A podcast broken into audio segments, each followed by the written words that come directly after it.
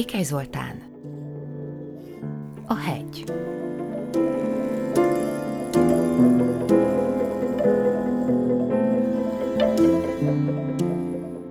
Az istenség vigyorogva nézett körül. Hát igen, gondolta, ez már valami. A hegy, amit alkotott, igazán méltóság teljesen magasodott a táj fölé. Ennyi idő alatt nem sokan csinálták volna meg. Úgy gondolta jogosan büszke, talán igaza is volt. A város felől nézve a felkelő nap pont a hegy mögül tört a magasba, és amikor a tetejéhez ért, a lángoló vörös korong óriási fákjává alakította ezt a monumentális alkotást. Még egyszer, gondosan, lehetőleg mindent figyelembe véve körülvizslatta a végeredményt. Volt rajta veszélyes sziklaszírt, zöld fensík, burjánzó, életteli növény rengeteg, minden, amiről úgy érezte hozzátartozik egy ilyen a tökéletességhez mind jobban közelíteni akaró dologhoz. A legjobban azonban a barlangra volt büszke. Pár óriási bejárattal és sok-sok kicsi, elbúvó, már-már intim beugróval, nyílással ajándékozta meg, és így a tágtermekkel, az innen-onnan cselesen beszűrődő napfényel együtt elérte, hogy a legbarátságosabb barlangá váljon a környéken. Szóval büszke lehetek. Bárki bármit is mond, ezt én alkottam, és nem is lett akármilyen. Mindazonáltal szép hegy. A tied? A hang meglepően halkan lentről szűrődött felé. Ami igazán szemtelen dolog, ha figyelembe vesszük, hogyha az ember egy hegy tetejére, egy istenséghez akar mondandót intézni, akkor igyekszik minél méltóság teljesebb és hangosabb lenni, ellensúlyozva nyilvánvaló kisebbségét. Legalábbis ő így gondolta. Az életőt azonban nyilvánvalóan nem zavarta mindez. A hangja nyugodt volt és őszinte, egyáltalán nem hivalkodó. Kíváncsian kereste a hangforrását. Lenézve egy kislányt látott. A lány nyugodtan és érdeklődve nézett fel, pont ő rá. Hogy hívnak? Csendült fel a kis hang. Nekem nincs nevem, gondolta. Az istenségeknek nincs nevük. Majd mégis előkotorta emlékezete legmélyéről azt, amit még kiskorában hallott rengetegszer, amitől akkoriban boldogság és nyugodtság szállta meg mindig, ha édesanyja így szólt hozzá. Jimbo, mondta, és erős, ütemes szívdobogással üdvözölte az évek óta elfelejtett szót. És igen, az én hegyem. A kislány hosszú barna haja és elképesztően világos kék szeme szinte földön túlivá tette a tökéletes orrocskát és a szájat, amely mintha egész eddigi kis életében mosolygott volna. Jimbo elvarázsoltan figyelte a kis teremtményt. Igazán szép. Kinek csináltad? kérdezte a gyereklány. Mindenkinek, mondta Jimbo. Az embereknek. Azért, hogy szeressenek? Elgondolkodott. Nem volt felkészülve rá, pedig jó kérdés. Talán, hogy tiszteljenek, talán, hogy szeressenek, nem tudom. Még egy kifejezés dübörgött le az emlékezés poros polcairól, hiszen időtlen idők óta nem használta ezt sem. Meggyőződése volt, hogy nem mutathatja ki mások felé gyengeségeit. A lány őszintesége azonban szinte kikényszerítette belőle is az őszinte válaszokat. A hirtelen feltámadó szél belekapott a barna hajba, és hullámzó tengerré varázsolta azt. A kék szem kíváncsisága csibészségé változott. A kedves kis orr kissé feljebb került, ahogy a lány felnézett a hegytetőre. Vigyél fel, kérlek, ugye fel tudsz vinni? Csendült újra a kislány. Jimbo először rideg, felnőtt indokokat keresett, hogy miért is ne tegye meg elsőre, amit a gyerek kért, de gyorsan átvette helyét a büszkeség. A kislány felemelkedett, először lassan, nagyon lassan, azután egyre gyorsabban, amíg egy magasságba értek. egyáltalán nem félt.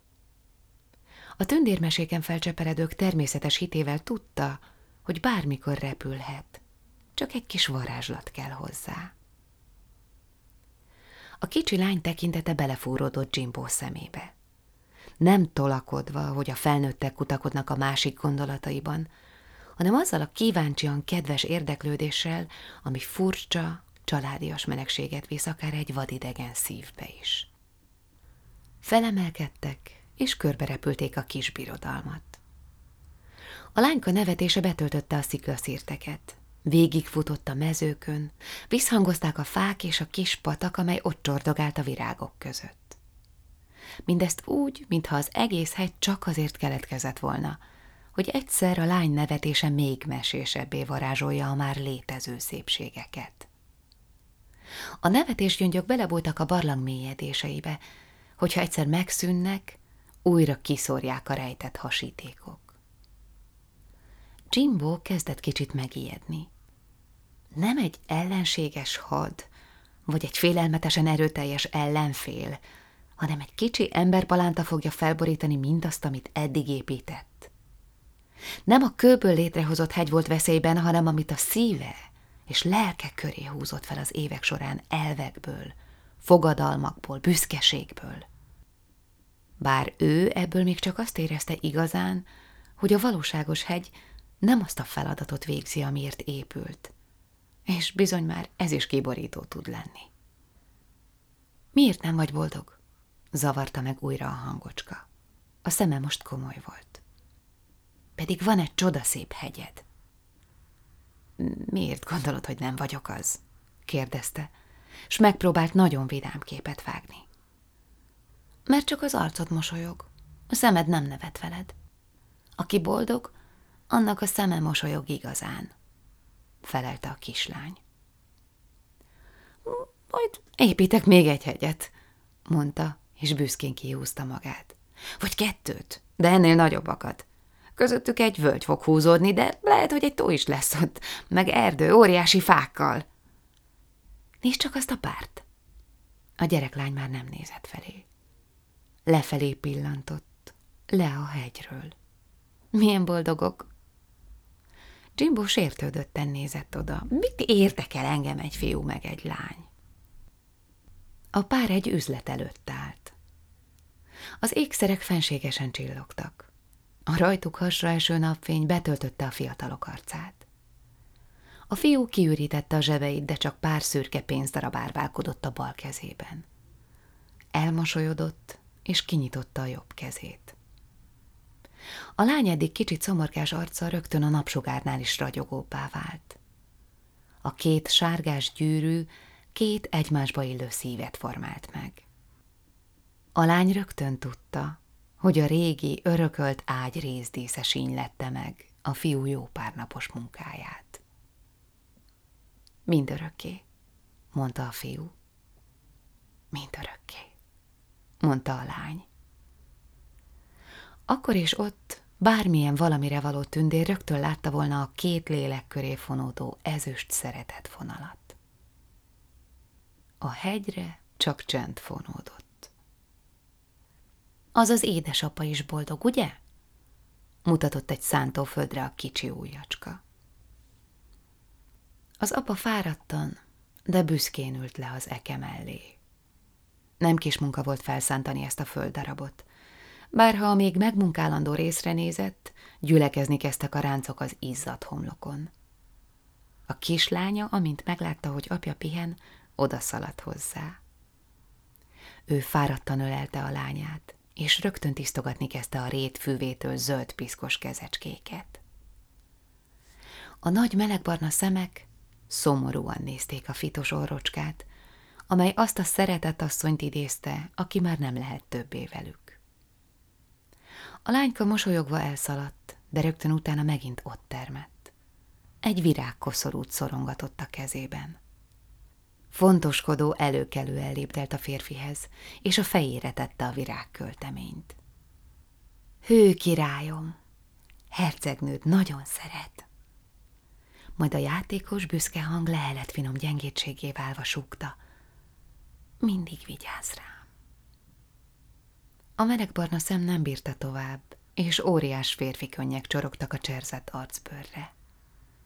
Hirtelen felkapta a lányát, hogy az nehogy észrevegye a könnyeket, és percekig forogtak, futottak, nevettek együtt. Talán arra az időre el is felették a külvilágot.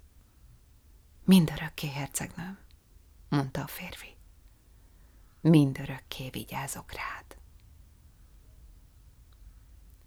A lány szomorúan nézte őket. Majd amikor Jimbo felé fordult, kivált pár csepp a szeme világos kék óceánjából. Jimbo elmosolyodott, és csak annyit mondott, figyelj, kicsi lány! Elővette a régi hangszert, és néhány simítással köszöntötte, ahogy azt mesterétől tanulta. Ahogy megszólaltak az első hangok, rögtön tódultak a fejébe a régi dalok, énekek, balladák, emlékek. Csak játszott és játszott, amíg a lemenő nap át nem adta a helyét a büszke holdnak. Csend lett. Meglátta a kislány boldog, nyugodt arcát, ahogy egyenletesen szuszogva, talán tündérekről álmodott. Már nem egy istenség ült ott órákig, csodálva a kis arcocskát. Azon gondolkodott, vajon a gyerekek miért tudják ilyen félelmetesen pontosan megmutatni az igazságot? Felnőttek, szülők millióit ejtették már zavarba a két-három éves gyerek szájak kérdései, akik az ezt követő pár másodperces kínos csendet a jaj, de aranyos felkiáltással szakították szét. Nem is sejtve, milyen sokat nyernének azon, ha elgondolkodnának a kisember még felnőttmentes szavain. Nem vette észre, hogy a lány nézi őt. A kislány kedvesen mosolyogva két kezébe fogta Jimbo arcát, és csókot lehelt a homlokára. Most én is boldog vagyok, suttogta meghatódva Jimbo, mert boldogabbá tettelek. A kicsi mutatóúj hirtelen Jimbo melkasának bal oldalára bökött. De tudod, nem a hely tehet róla, hanem a szív, szakította félbe a lányt. Mennem kell, mondta a lányka, és elindult arra, amerről jött. Ahogy egyre messzebb járt a hegytől, egyre világosabbá vált Jimbo számára, miért hozta őket össze a sors. Köszönöm Istenem, hogy ember lehetek. És hosszú idő óta először újra legördült egy könycsepp.